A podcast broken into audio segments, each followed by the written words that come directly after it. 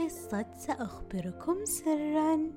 مرحبا أنا سامي أبلغ من العمر خمس سنوات وأود أن أخبركم عن صديق لي أقضي معه ساعات طويلة دون أن أشعر بالملل.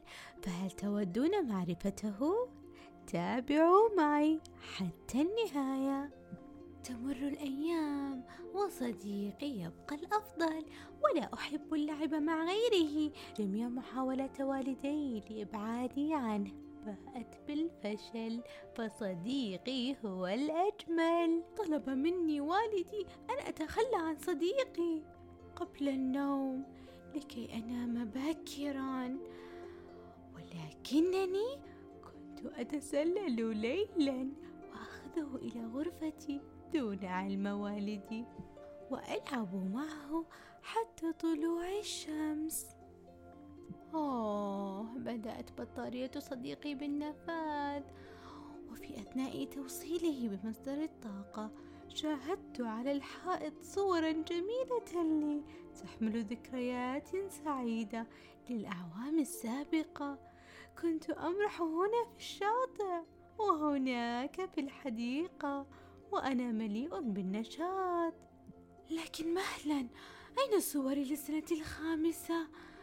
لقد اكتمل عامي السادس واقترب موعد تسجيلي بالروضة سأذهب إلى المرآة لأرى كم كبرت أوه من أين أتى هذا السواد حول عيناي؟ في صباح اليوم التالي أتت والدتي لإيقاظي باكرا صباح الخير سامي. استيقظ. ركبنا السيارة على عجل. انتظري أمي انتظري. ومعي صديقي آه جميل. طلبت مني أمي بأن أعيده إلى المنزل.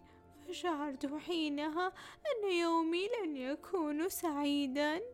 ووصلنا إلى الروضة. شاهدت الأطفال من حولي. يضحكون يلعبون.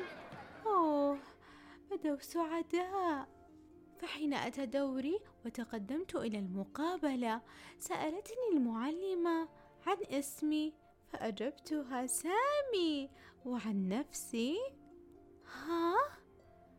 ماذا؟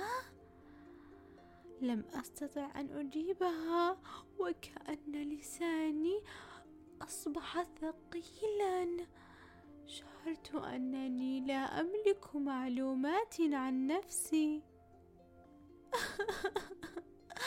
اين ذهبت حروفي. للأسف لم اجتز المقابله لا لا لا لا. لم تنتهي القصة هنا. يريد سامي أن يخبركم عن السر الذي اكتشفه. أصدقائي البعض منا يمتلك ذلك الصديق المفضل الذي يدعى الجهاز الذكي. فعالمه مليء بالأشياء الشيقة وكل ما نتمنى ونستمتع به نجده فيه. لكن علينا أن نتولى زمام الأمور فلنعيد ترتيب أوقاتنا ولا ننسى من هم حولنا. وأهمهم أنفسنا فعالمنا متنوع وجميل.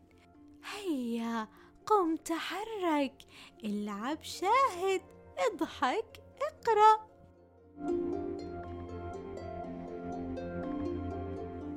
وهنا تنتهي القصة الأخيرة من مجموعة هذا الموسم. نتمنى أن تساعد صغاركم على ترتيب أولوياتهم في هذا العام. شكرا تربية قيادية على تعاونكم معنا وشكرا لكم أنتم على دعمكم وتشجيعكم ورسائلكم اللطيفة. في نوار لن تنتهي القصص سنتوقف قليلا ونعود بالجديد. كنتم معكم هنا أفنان الخالدي.